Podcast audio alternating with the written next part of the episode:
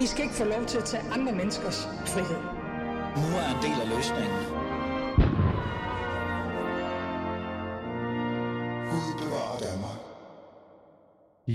Som altid. Gud bevarer Danmark. Velkommen til. Du lytter til Alis Fæderland, og mit navn er Ali Amin Ali. Og øh, nu skal I høre. Øh, mens størstedelen af os danskere var i færd med at gemme chokoladeæg, tale om påskeharen eller gå i kirke, besluttede Rasmus Paludan jo, lederen af Stram Kurs, at demonstrere og brænde koraner af i forskellige steder i Sverige.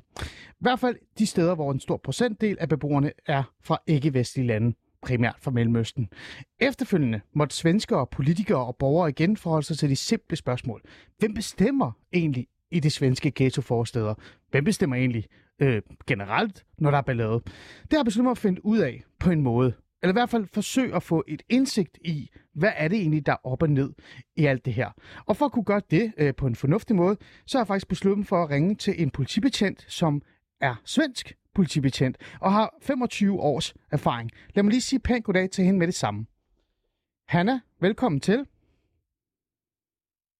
Kan du høre mig?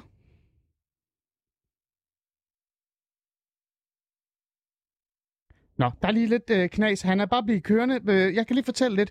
Han er Berglund, som er med lige nu, er igennem 20 år arbejdet som hundefører i omkring Göteborg.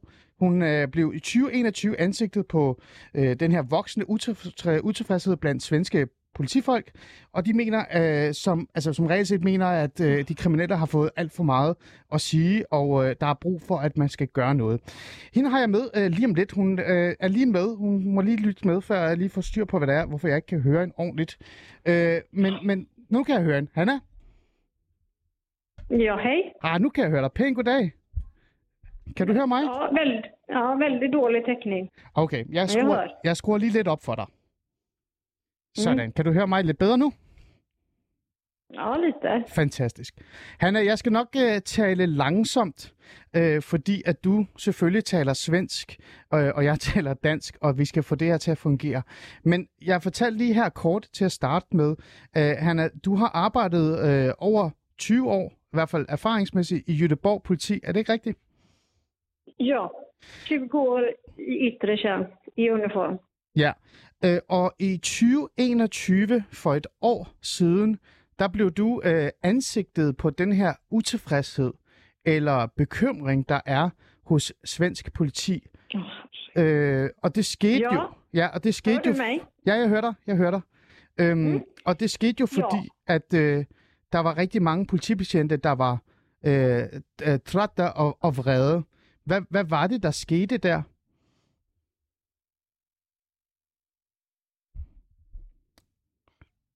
Hallo?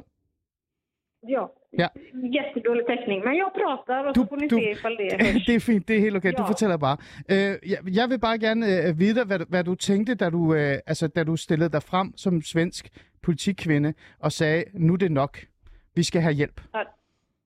Ja, det är ju för jävligt eh, det som har hänt. Nu var inte jag på plats, eh, men jag har hört så många eh, historier eh, från kollegor som var på plats. Och, eh, under de här dagarna så hade vi krig eh, i Sverige på eh, de här fem olika städerna. Eh, vi vet ju om det här, dessa individers våldskapital. Eh, vår frustration är ju eh, upp i politiska led och, och till polis, polisledning att eh, det räcker nu. Vi måste stoppa dessa kriminella nätverk. Mm. Øh, du siger, at der var krig i Sverige. Føles det sådan? Ja, eh, deras intention, de ville döda eh, poliser eh, och vi hade inte tillräckligt eh, att sätta emot i det läget. Eh, utan eh, vi försökte, de poliser som var på plats. Eh, men eh, deras intention var att döda poliser. Eh, Nu blev det tu- som tur inte så, men det hade lika väl kunnat hänt. Øh, alt det her skete, fordi at Rasmus Paludan fra Stram Kurs demonstrerede. Mange var senere hen ud at sige, at polisen var også skyld i det her. Synes du, polisen også var skyld i det her? Mm, Ja, eh, vi var för få på plats, eh, vilket bidrog till att de, eh, de ägde situationen. Eh, så det är ju en chefsfråga att inte det har tagit beslut om mer poliser med rätt utbildning, eh, med rätt eh, utrustning framför allt. Eh, de poliser som var där gjorde allt vad de kunde för att at komma överlevande därifrån. Mm. De her øh, optøjer, eller de her øh, riots, man også kan sige på, på engelsk, øh, er de et bevis på, at svensk politi ikke har kontrol i de her forsteder? Nej, till viss del har vi, inte, har vi inte det. Det här är ju en liten klick av svensk befolkning eh, som förstör så mycket, skapar otrygghet eh, och eh, de lever i ett parallellsamhälle eh, där de har sin egen ekonomi, sina egna rättegångar eh, och eh, jag som polis anser att vi inte har tillräckliga lagar eller verktyg att hantera den här situationen just nu. Men siger du også, eh, Hanna, så, at dig og dine kollegaer, nu arbejder du i Göteborg, men dig og dine kollegaer rundt omkring i Sverige, øh, føler lidt, at I ikke er politi eller polis i de områder. De har deres egen?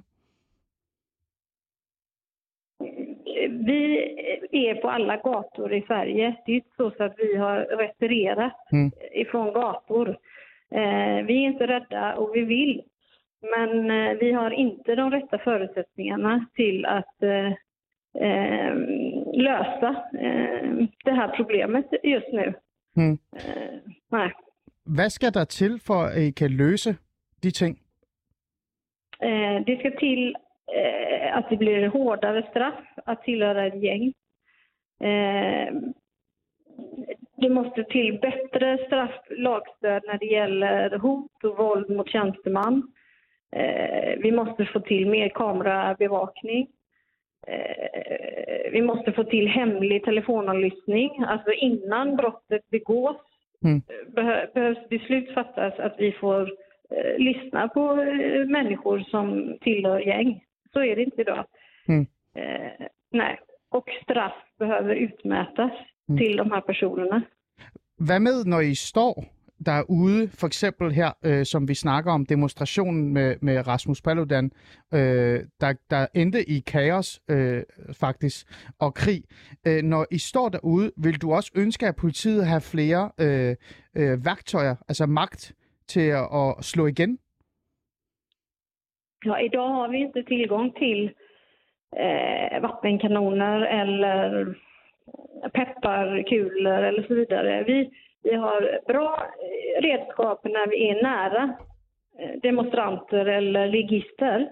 Men hamnar vi på kastavstånd, som vi gjorde nu under påsken, mm. så har vi inte de rätta verktygen. Då är nästa är ju att använda vårt vapen. Mm. Och det kan vi inte. Så att eh, det, det behövs tas beslut och, och, om ett, nytt, ett till verktyg däremellan när vi hamnar på det avståndet som vi gjorde mm. eh, under påsken. Ja.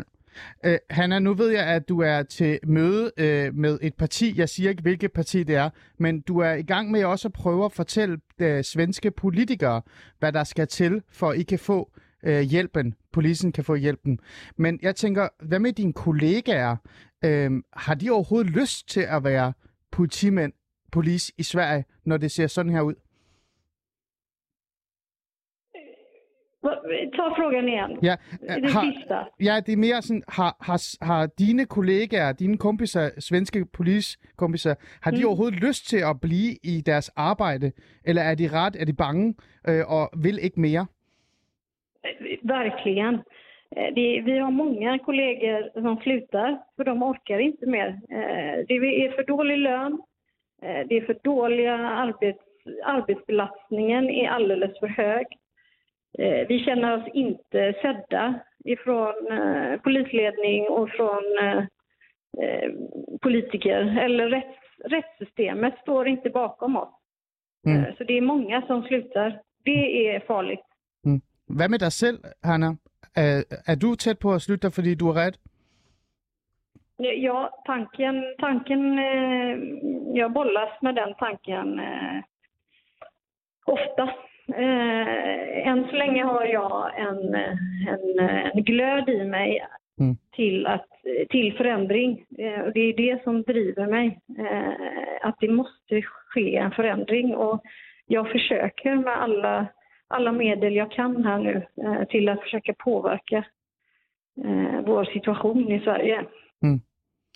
Øh, her til sidst, Hanna, øh, så er jeg jo lidt nysgerrig i forhold til øh, øh, fremtiden. Øhm, øh, fordi de her demonstrationer, de her riots, de kan jo godt komme igen. Og, og sidst i 2021, hvor du var ude og, og taler øh, officielt, der var det jo en øh, altså gangkrig, og der var jo bandekrig. Øhm, er du bange for, at sådan noget her, det kommer til at være, eller er normal svensk øh, hverdag? Ja, det är det redan. Det kommer hända igen. Det kommer hända igen, detta. Eh, det här är ju en långsiktighet vi behöver jobba med, men det kommer behöver fattas snabba beslut för att vi ska kunna påverka. Men upplopp kommer ske igen. Eh, eh, personer kommer bli skjutna. Eh, ja, vi har ju nästan en skjutning varje vecka nu i Sverige. Hvad med, hvad med polisen? Hvad med dine ko- kollegaer? Tror du, der, det kan ende med, at der bliver nogle politimænd, der bliver dræbt af det her? Ja, det kan säkert hända igen. Det, är ju det, eh, det var ju därför som jag började prata efter att Andreas, min kollega, blev skjuten, mördad på öppen gata. Som jag började prata, men det kan lika väl vara någon, det kan vara jag imorgon eller någon annan jag känner igen. För Mm. det, har, det, händer, det, här, det har inte hänt någonting i, med gängkriminella kriminella nätverken. Øh, Jeg bliver nødt til at lige stille dig aller sidste sp- spørgsmål, før jeg siger tak, Hanna. Øh, I Danmark, der kigger vi jo lidt på Sverige, og så siger vi, det der, det er det værste, der kan ske. Det er slut. Sverige er tabt. Øh, føler du også, at, at de her forsteder, de her ghettoer, de er tabt? Eller kan I få øh, magten tilbage igen? Det är jag helt det är jag övertygad om. Det finns många goda krafter i samhället eh, eh, som jag hoppas kommer övervinna eh, detta. Eh, men just nu eh, ser det mörkt ut. Men eh, jag, jag tror att den goda kraften kommer. Det kommer lösa sig. Men eh, det kommer ju inte ske imorgon. Nej. Det kommer vara det, finns, det kommer finnas ett våldskapital eh, lång tid framöver i Sverige tyvärr. Mm. Hanna Berglund, tak fordi du vil være med, og beklager, at der lige var lidt teknisk øh, i- i starten, men tak fordi du vil være med, og jeg håber, jeg kan få dig i studiet en dag øh, i fremtiden. Ja, tack så mycket. Det var så lidt. Tak for det.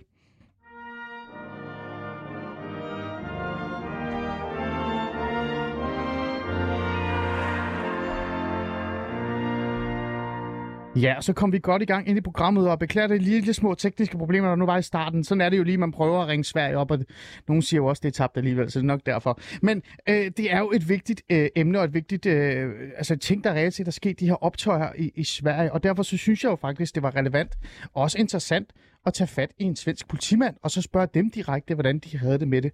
Og man kunne jo høre øh, til jer, der nu, hvis jeg laver et lille resume hurtigt, til jer, der ikke var så svensk kyndige, som jeg måske er en lille smule er, øh, så blev øh, det jo snakket, man må sige, rent mel, altså ærligt øh, omkring, hvordan tingene ser ud.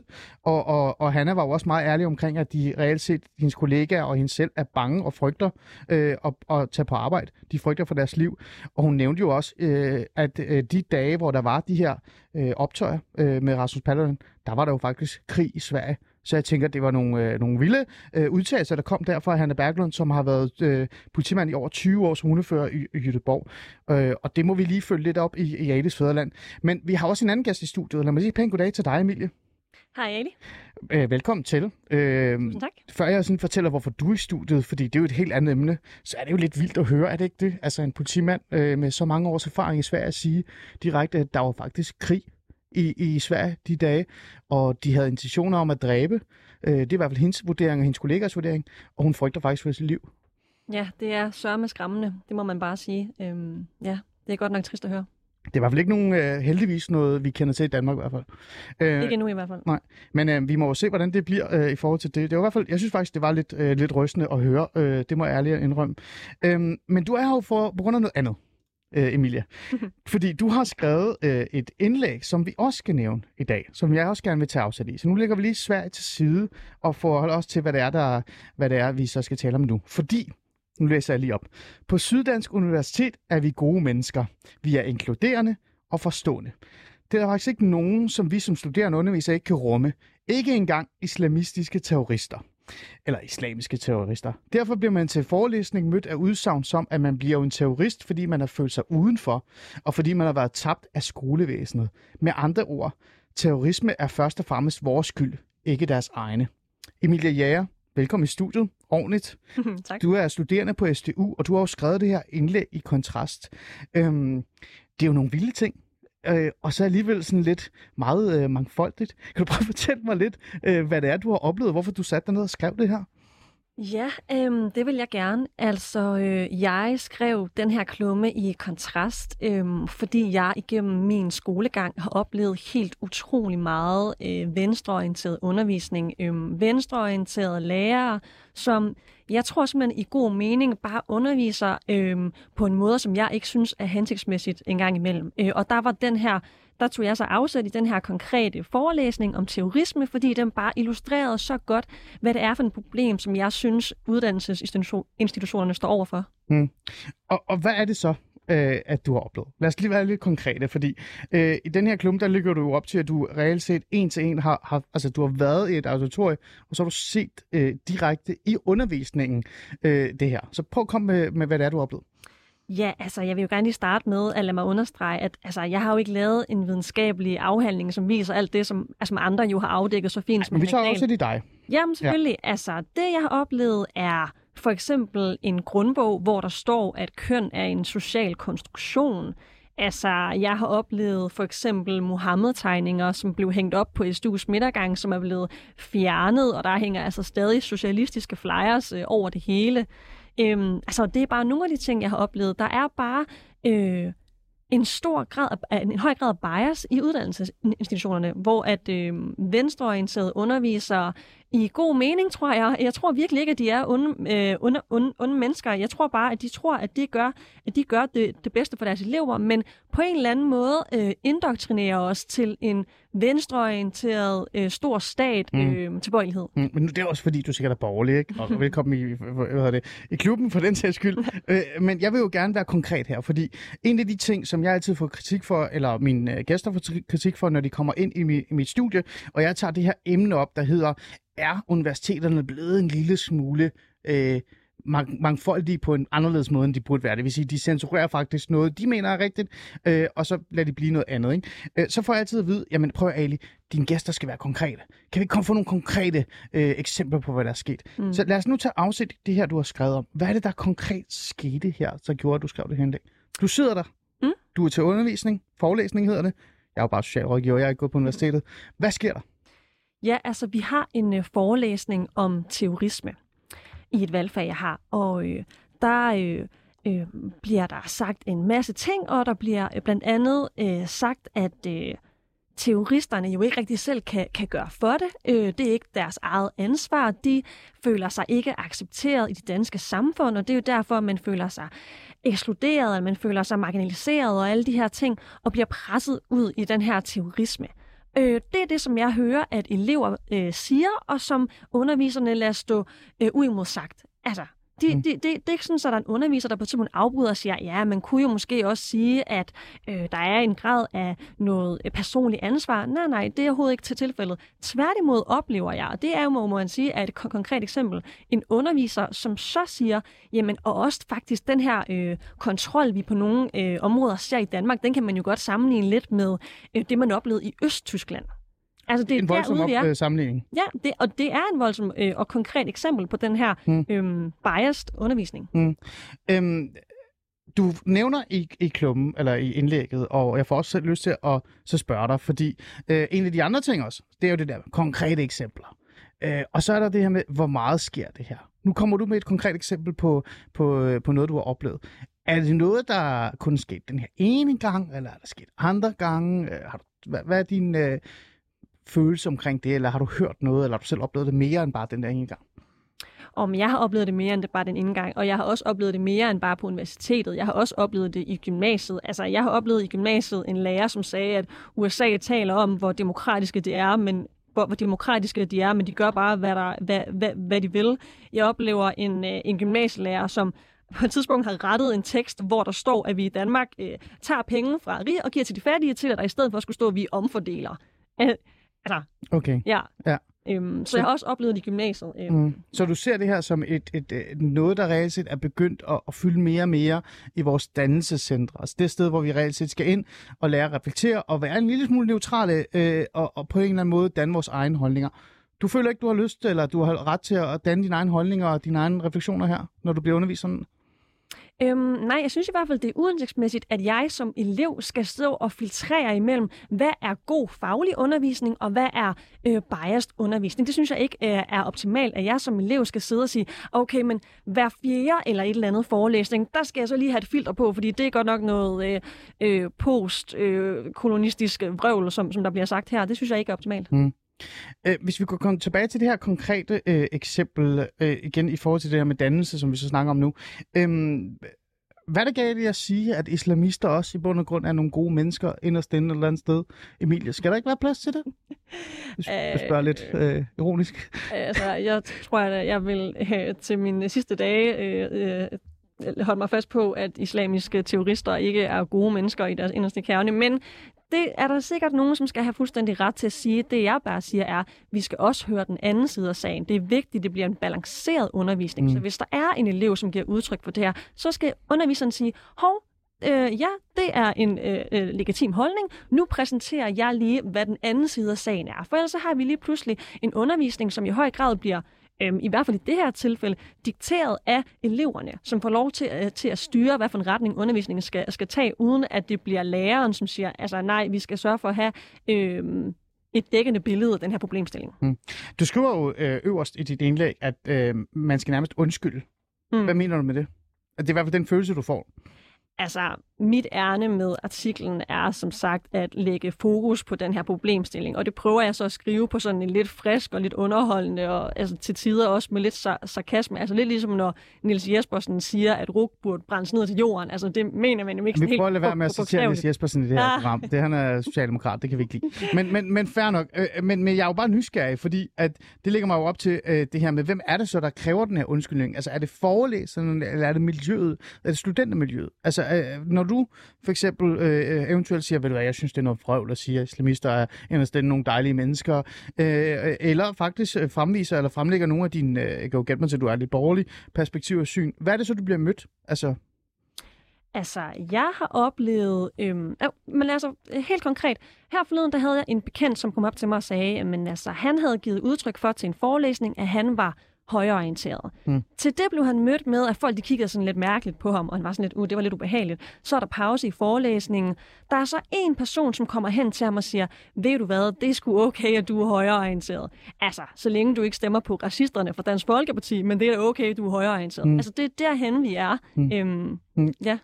Men det skal der også være plads til, skal der ikke det? Skal der ikke være plads til den her øh, forskellighed?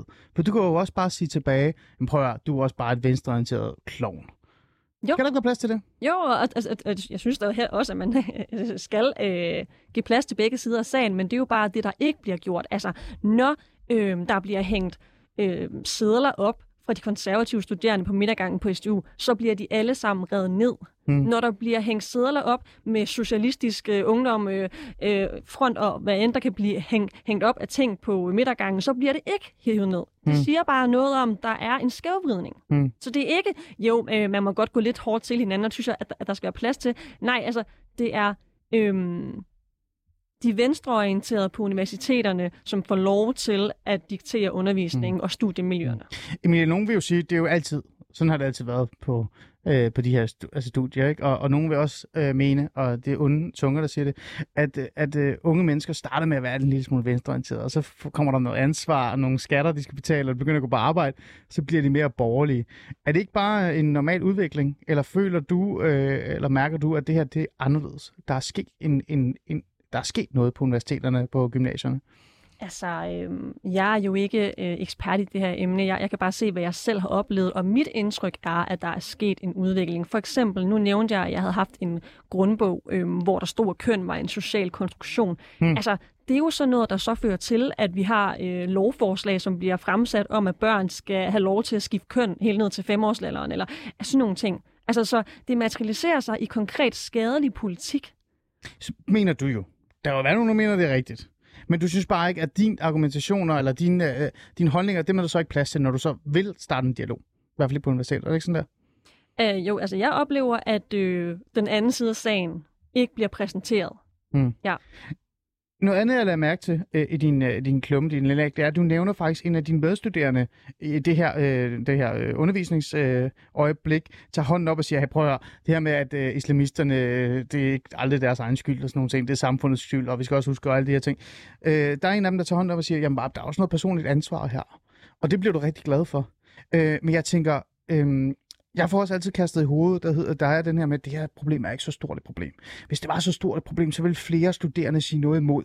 Så ville der stå folk og sige, ved du hvad, nu er det nok, vi gider ikke finde os i det her. I skal ikke tage vores øl fra vores øh, kantiner, I skal ikke bede om bederum, og jeg ved ikke hvad. Så stort et problem er det i virkeligheden ikke.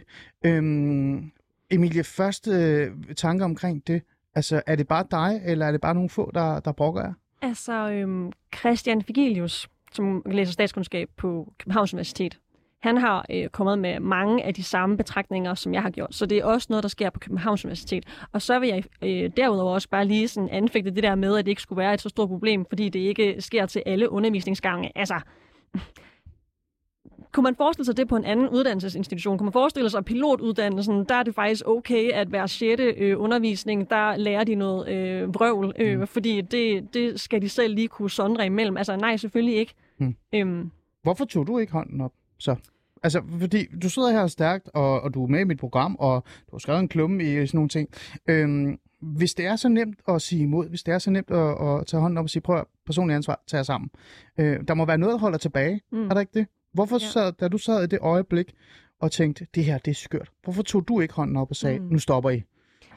Det er et rigtig godt spørgsmål, og øh, det kunne da også være, at jeg skulle have gjort det. Jeg tror simpelthen, det var noget, der var så simpelt som, at øh, det er lettest at komme godt ud af det med alle. Det er hyggeligst, at alle øh, synes, at kan lide en, og man kan snakke godt med alle. Øh, men altså, ja, og som du selv siger, jeg tænker også, at det på en eller anden måde kan tælle, at, det, at jeg er med her, og at jeg skriver min oplevelse på kontrast. Og egentlig, så mener jeg jo faktisk, altså, ja, jeg kunne godt have øh, hånden op og sagt noget, men jeg synes, at man skal holde fast i, at det er undervisernes ansvar at bringe alle perspektiver i spil og gøre os elever klogere på nuancerne. Det er ikke mit ansvar som elev at sørge for det i første omgang. Det skal nok komme på et tidspunkt, når mm. jeg er blevet vidende nok til det. Og så vil jeg bare lige sige, altså, nu nævnte jeg et par eksempler fra gymnasiet. Der har jeg jo oplevet, at jeg så tog fat i en lærer og sagde, hey, jeg har også den her øh, video, som viser lidt øh, nogle andre sider om amerikansk politik der, der blev jeg så mødt af, af en, en, en, en underviser, som sagde til mig, øhm, ja, det er meget fint, det er til frikvartererne og pauserne.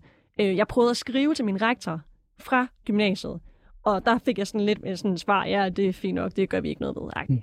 Altså, jeg har prøvet, øh, ja. ja nu skrev du det her indlæg, og jeg tænker også, du har talt med nogle af dem, du uh, studerer med, og så videre, og så videre.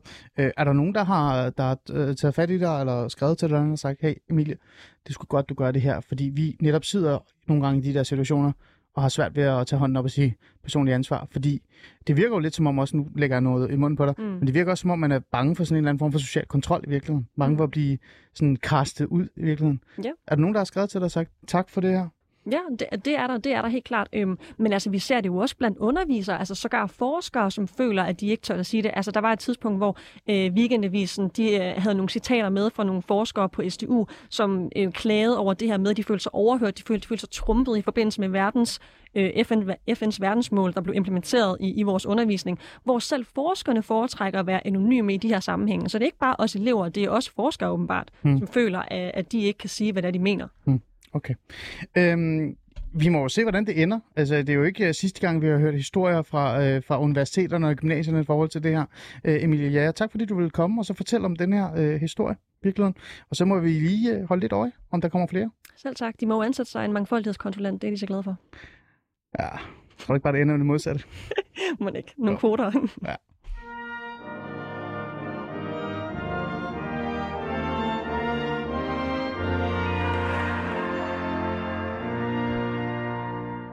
Du lytter stadig til Alice Fæderlandet. vi er jo kommet godt i gang, og vi har et uh, action-packed uh, menu, kan man sige, program i dag. Vi har jo talt med en uh, politikvinde fra Sverige til at starte med, og nu har vi lige Emilie Jæger med i studiet, som så talte om, hvordan hun har oplevet, uh, hvad kan vi sige, uh, anderledes undervisning på SDU, hvor der har været mere fokus på, at man skal huske de gode i uh, islamister, og mere uh, det modsatte af, at der er noget ansvar i det, osv. osv. Det, er jo, uh, det er jo en debat, vi har haft et par gange i uh, Alice Fæderlandet, og det skal vi nok blive ved med. Men nu går vi over til noget helt andet.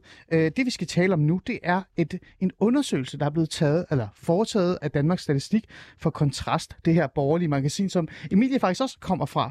Øh, den viser, at... Øh, lad os bare læse den præcis op. Ifølge en ny undersøgelse foretaget af Danmarks Statistik for kontrast er tredje generations ikke-vestlige indvandrere mere kriminelle end deres forgængere. Det vil jeg gerne lige finde ud af, hvad egentlig, det egentlig handler om, og hvorfor er det også sjovt nok, det ikke har fyldt så meget i danske medier i bund og grund det her, for det er jo lidt interessant. Så jeg har besluttet mig for at ringe personen op, som har været sådan lidt mastermind bag det. Det, det siger jeg måske lidt frægt, men det kan han selv få lov til at uddybe. Christian Folger, velkommen til. Ja, tak skal du have, Er det okay, at jeg kalder dig mastermind bag det? For det er jo dig, der har, der har været, er hovedmand bag den her undersøgelse, er det ikke? Nej, det, det, det er det ikke. Jeg, jeg, jeg har skrevet øh, artiklen, øh, men øh, jeg er ikke øh, mastermind bag noget som helst. Nej, jeg tænkte også, det var, det var også på en, på en måde sådan at rette mig selv på i virkeligheden. Men Christian Folder, du har jo skrevet øh, øh, den her artikel, som følger selvfølgelig op på den her øh, undersøgelse, der er så foretaget af Danmarks Statistik for Kontrast. Kan du lige uddybe, hvad det er, øh, i, der er blevet, altså man har fundet ud af i forhold til det her med tredje generations ikke-vestlige indvandrere, som så er mere kriminelle end anden generation, vil jeg gætte mig til? At, nej, det viser undersøgelsen ikke, de er. Men altså, øh, undersøgelsen er jo et forsøg på at finde ud af, hvad sker der med tredje generation? Fordi indtil nu, så har Danmarks Statistik jo som oftest behandlet tredje, behandler tredje generation som enten personer af dansk oprindelse eller efterkommere. Og det har gjort det svært at finde ud af, om den høje kriminalitetshyppighed, vi ser blandt første og anden generations indvandrere, fortsætter i tredje generation.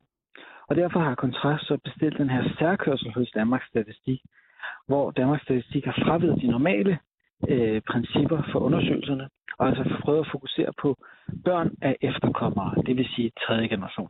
Mm. Og der har vi set på mandlige børn af efterkommere, hvor mindst en forælder er efterkommer, og ingen forældre har dansk oprindelse. Og der viser tallene jo så, at for både Menatlandene, som det hedder, altså øh, Mellemøsten og Nordafrika, lande med muslimske flertal, men ja. også ikke-vestlige lande, er der en klar overrepræsentation i forhold til kriminalitet. Det vil sige, at der er en langt højere kriminalitetshyppighed. Den er øh, generelt over dobbelt så høj, øh, og ofte, også endda næsten to og en halv gang så høj, mm. som blandt øh, folk med dansk og vestlig oprindelse. Det vil sige, at de problemer, der er med indvandring, fortsætter altså også i tredje generation. Mm. Så det viser tallene. Det er jo lidt interessant, øh, fordi vi får jo øh, hele tiden at vide, øh, Christian Folger, at integrationen går bedre. Øhm, er det her ikke et, et, et bevis på, at det måske ikke går bedre øh, så godt, som vi tror, det går?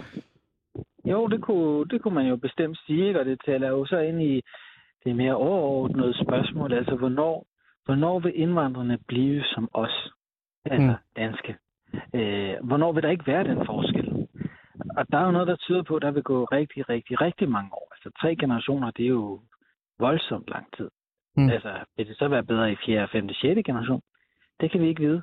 Men det tyder jo på, at der i hvert fald ikke er nogen nævneværdig forbedring i tallene. Og øh, det er selvfølgelig øh, stærkt problematisk for det danske samfund, der skal lide med øh, nogle store kriminalitetsproblemer fremover. Der skal lide under store kriminalitetsproblemer fremover. Nu har du jo skrevet den her øh, artikel på baggrund af den her undersøgelse. Hvordan er den blevet øh, mødt? For det er jeg faktisk også lidt nysgerrig omkring, Christian.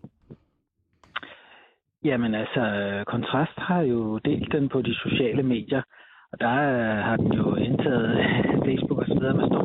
Den er blevet delt øh, vidt og bredt og har fået rigtig mange øh, likes og kommentarer, fordi det er noget, der optager utrolig mange læsere og også danskere, hvordan det går med integrationen, og folk har også stærke holdninger til det. Mm. Og, og der er jo mange, som ønsker, at man skal stoppe indvandring, mm. og også begynde at sende flere tilbage. Øh, så derfor så tror jeg, at mange øh, reagerer også med vrede over at blive bekræftet i deres antagelser om, at problemerne bare fortsætter og bliver større og større. For det er klart, at øh, den overhyppighed i kriminalitetsstatistikkerne slår jo så også ekstra hårdt igennem, når antallet af efterkommere og børn af efterkommere stiger i årene frem. øh, så er det jo lige pludselig en langt større belastning, end dengang man havde en overhyppighed, men havde færre indvandrere. Mm. Altså det, den samlede mængde af problemer bliver større. Ja. Øhm, øh, nu, nu skal du lige hjælpe mig lidt, fordi at øh, viser undersøgelsen også, eller kan man se på en eller anden måde, øh, hvor voldsom øh, kriminalitet det handler om? Det fokuserer øh, undersøgelsen jo ikke på specifikt, om det er voldtægt eller Mm. øh, indbrud osv. Mm. Øh, så så det, det kan man ikke sige derudfra, men der er jo andre statistikker, der tyder på en stigning inden for de områder i forhold til brutalitet. Mm. Øh, de seneste år har vi også haft de her sager med overfald ved S-togstationer osv. Og Tryghedsfondens øh, tryghedsmåling har vist stigende utryghed, særligt for kvinder. Så der er jo nogle tendenser til, at det går over den gale vej for det danske samfund i forhold til øh, den generelle tryghed øh, for Mm. danskerne. Øh. Øh, Christian, nu øh, er jeg sådan lidt fræk og lige tager dig lidt væk fra den der sådan, øh, fortæller øh, personstænkning, der er lidt smidt på dig. Øh, øh, I forhold til det her med, øh, hvad grundene så kan være, ikke? Øh, hvis jeg skal spørge dig sådan oprigtigt hånden på hjertet. Øh, nogen vil jo mene, at det her, det, er jo, det skyldes socioøkonomiske problemer. Øh, der er jo nogen, der endda siger, at det er fordi, vi nærmest har fået en ny underklasse, altså en ny fattigdomsklassegruppe, og det er derfor, at de at øh, ikke-vestlige bonger ud, især øh, folk på minoritetsetnisk baggrund med muslimsk baggrund osv. osv. Øhm, øh, har det noget med det at gøre, tror du, eller er det noget helt andet, der er på spil her? Det har selvfølgelig også noget med, med det at gøre. Det er indlysende, som Torben Traners, jeg talte med til artiklen også siger, så har vi jo en etnisk underklasse, og dermed vil det også være øh, den del af befolkningen, som i høj grad leverer fængselspopulationen. Det er indlysende. Men de tal har jo både korrigeret for aldersforskelle og forskelle i socioøkonomiske forhold. Det vil sige, Mm. den her overhyppighed, der er der jo taget højde for forskellene i indkomst og uddannelse osv. Mm. Så derfor så er der jo en rest af tilbage, man skal forklare. Og der er det jo kulturen, som oftest bliver fremhævet. Og det gør den jo også Torben Tranes og Rasmus Stocklund som en forklaring. Altså, der er et problem med øh, kulturen blandt folk fra Mellemøsten, Nordafrika og en række ikke-vestlige lande. Mm. Og de kulturelle problemer ser ikke ud til at ophøre lige forløbet. Øhm, nu nævner du selv Torben Tranæs som en af dem, der også står i artiklen, og vi får også uh, Rasmus Stocklund her lige om lidt i, i programmet. Ham ringer jeg til, uh, op lige om lidt og lige spørger lidt nærmere om, hvad han synes om alt det her. Uh, men ja. hvis vi lige lægger lidt, lidt den til side, og, og du kigger lidt hen over sundet, uh, bare, uh, bare for, uh, ikke for sjov skyld, men fordi at vi i bund og grund godt kan lide at sammenligne os lidt med, med Sverige også. Jeg har jo ny og næ, uh, været lidt fræk og sagt, at uh, vi har ikke svenske tilstande i Danmark, men der skal ikke lang ja. tid til, og meget til, før vi godt kan stille og roligt ende derhen af.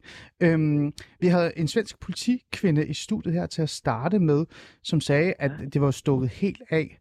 Øhm, ja. Ja. Jeg siger ikke, at vi ender i svenske tilstand, øh, Christian, det er ikke det, jeg siger.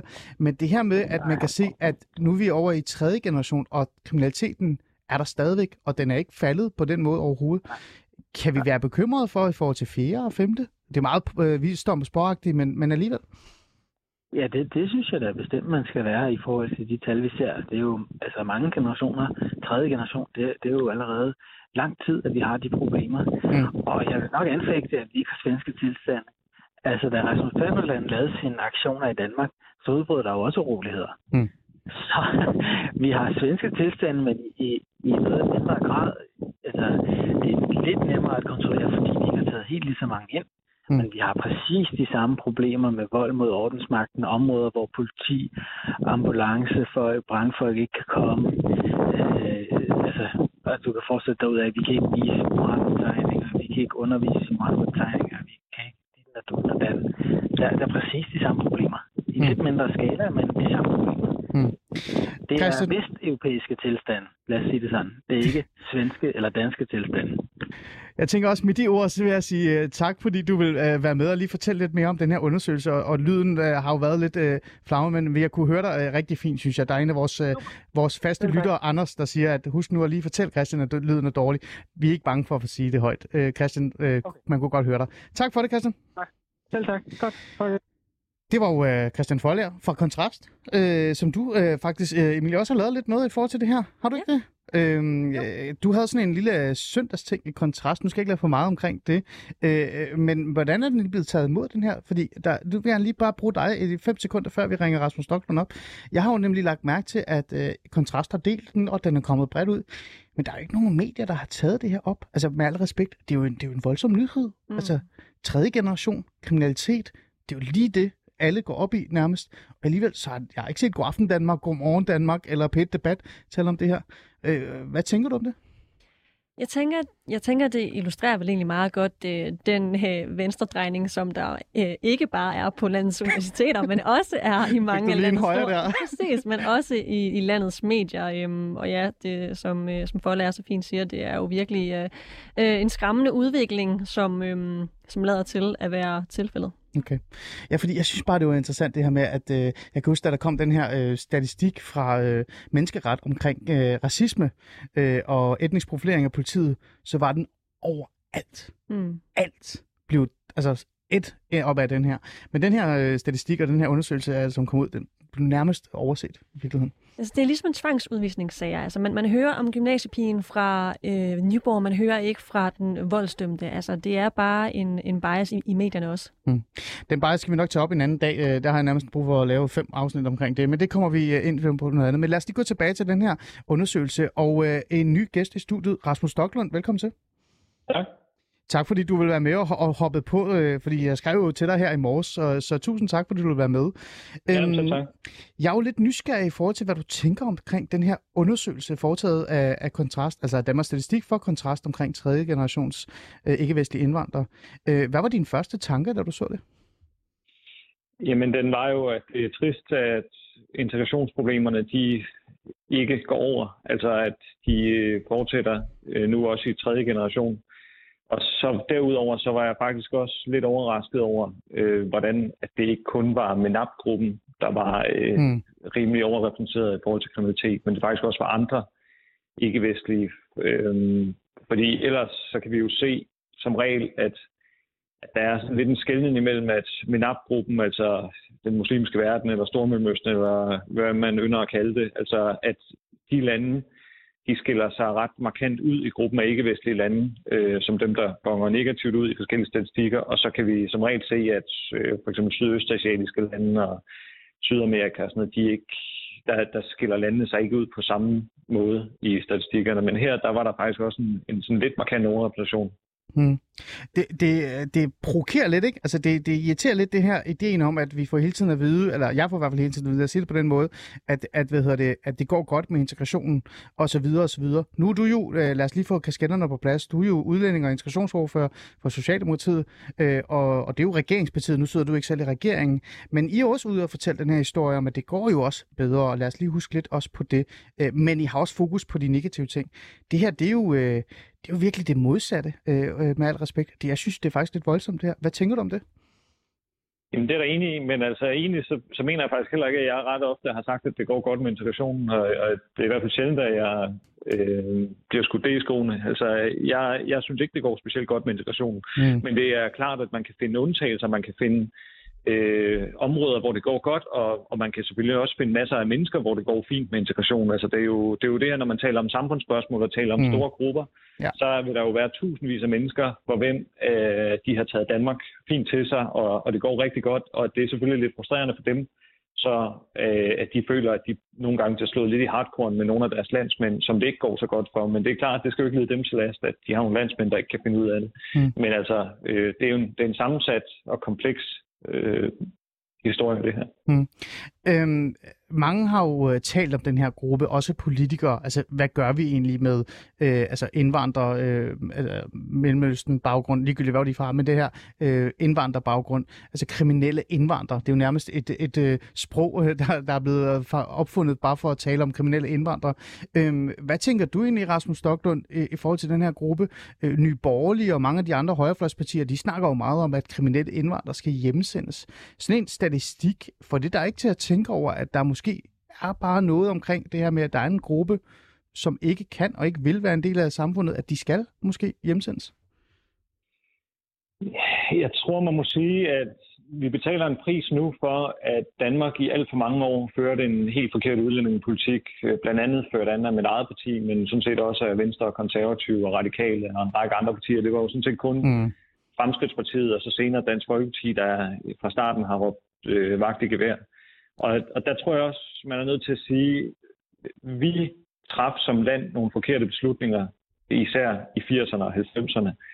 Og, og det betaler vi en pris for. Og der er altså mange af dem her, som er, nu er det jo tredje generation, det drejer sig om i, ja. i den debat, vi har her, som er danske statsborgere, og øh, som er født og opvokset her. Og dem er vi nødt til at sætte og tage ansvar for. Altså danske statsborgere har de samme rettigheder, og, og dem kan man ikke udsende. Men derudover, når det, når det gælder udlændinge, som ikke har dansk statsborgerskab, og hvis de så begår øh, kriminalitet, så synes jeg selvfølgelig, at man skal gøre alt, hvad man kan for at sørge for, at de bliver udsendt. Mm. Men kan vi være strammere ved det? Har I overvejet, har du overvejet, når man ser tendensen omkring det her med, altså nu snakker vi om den gruppe, der kan hjemsendes. Øh, Nyborgerlig snakker jo om, at øh, jeg tror, det er ved første hvad hedder det, øh, fejltagelse, kan man sige nærmest, så skal folk hjemsendes. Altså, er, er, du, er du begyndt at tænke på sådan noget? Altså, vores spare, den ligger et lidt andet sted end Nye Borgerlige, men vi har sådan set den holdning, at øh, når man begår øh, kriminalitet af et vist omfang, også selvom det er første gang, så skal man udvises, med mindre at det strider mod vores internationale forpligtelser. Mm. Og det kan for eksempel være sådan noget med, at hvis det vil være farligt for vedkommende at komme til sit hjemland, hvis man bliver tortureret eller den slags. Ja. Men altså, øh, jeg tror bare, lige den aktuelle debat her, der er det tredje generation, altså det vil sige, både de og deres forældre er født og opvokset her i Danmark, og jeg tror ikke rigtig, det giver mening at tale om, at de skal udvises, fordi de vil være Nej. danske statsborgere, rigtig mange af dem også. Ja. Altså. Det er også meget, der er lidt fræk, Rasmus. Jeg vil bare lige høre, hvad du synes om den gruppe der. Øh, men hvis vi skal forholde os til den, den her gruppe, som, som du så nævner, som er faktisk dansk statsborger, øh, der er også nogen, der spørger, hvad vil Socialdemokratiet så gøre ved det? Altså, tænker I, der, er der noget, der skal gøres drastisk, eller er det her bare, jamen, endnu en gang noget, vi får sådan, altså her har vi endnu et bevis på, at integrationen går ikke godt, og vi skal bare blive ved.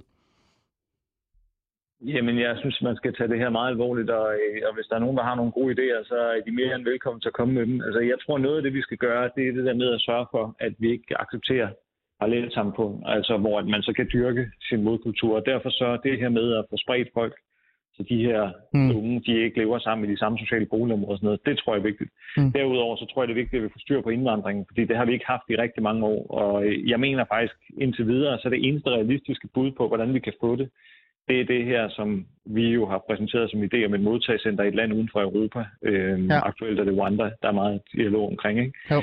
Øh, og det er den eneste måde, jeg kan se, at vi kan få styr på indvandring på, hvis vi stadigvæk vil være en del af sådan, den internationale retsorden med konventioner og, øh, og menneskerettigheder osv. Mm. Men det mener jeg til gengæld også er helt afgørende, for hvis ikke vi får knækket koden til det, og det ikke er os, der får kontrollen med, hvem der skal være i Danmark og hvem der ikke skal være i Danmark, så er jeg meget bekymret for, hvordan det her det vil blive ved med at udvikle sig, fordi vi kan se, at der er den her modkultur blandt nogle af de her grupper. Mm. Øh, Rasmus, vi har fået nogle spørgsmål. Skal vi ikke lige prøve at tage dem også? Før jeg bare, jeg har flere spørgsmål til dig, men det venter jeg lige. Vi skal også lige have vores lyttere med. Øh, ja. Der er nogen, der har skrevet her, øh, anerkender I, jeg tror det er også to, øh, Rasmus Stocklund, at vi skal gøre noget ved psykisk og fysisk vold, øh, som børn af indvandrere er vokset op med, for at forebygge? Øh, det, det er du lidt snak om. Jeg kan huske, altså det, det er jo min egen erfaring, Rasmus, jeg bare kan trække fra her øh, som socialrådgiver. Jeg har jo vokset, altså jeg har jo arbejdet i de her minoritetsetniske miljøer, og, og der er jo også noget omkring dannelse og opdragelse. Øh, jeg tror også, lytteren tænker sådan lidt, er der noget omkring det? Øh, altså om vi skal måske gøre det bedre, så vold i hjemmet måske ikke ender med, at, øh, at unge mennesker også øh, tyrer til vold, når de kommer ud? Ja, det er, det er helt sikkert relevant, både når det gælder øh, fysisk og psykisk vold. Øh, når man ser på, hvor mange børn i indvandrermiljøet, der bliver udsat for øh, vold, så er det en ret markant overrepræsentation i forhold til øh, majoritetsbefolkningen. Mm. Og derfor så strammede vi også lovgivningen øh, øh, i, jeg tror det var i efteråret på det her område.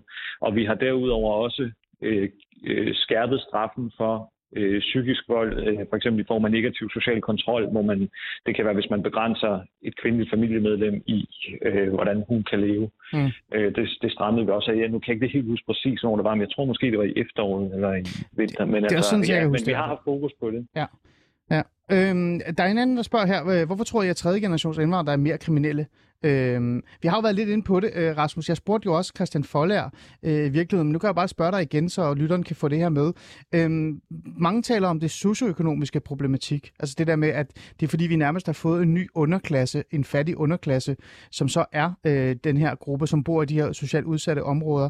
Øh, tror du, øh, det, det skyldes meget mere end kun socioøkonomiske ting? Så er der også noget kulturelt, øh, og måske endda religiøst nærmest i det her?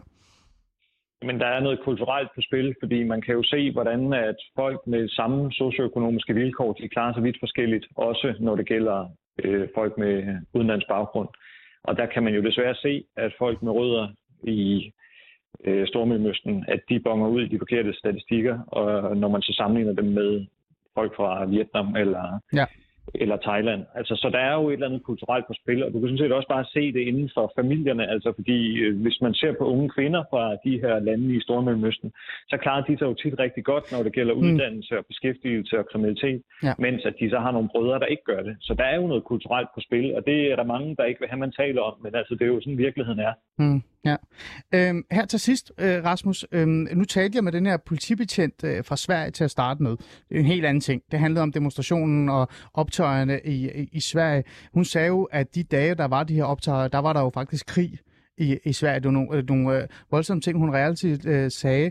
Og hun sagde også, at man har mistet magten i, i visse områder. Jeg er jo lidt fræk nogle gange at sige, at øh, Danmark har vi også lidt svenske tilstande ny og næ. Men når jeg ser sådan en her øh, undersøgelse, som viser, at tredje generations indvandrere er mere kriminelle, så tænker jeg jo virkelig, at vi er på vej derhen. Hvad tænker du om det?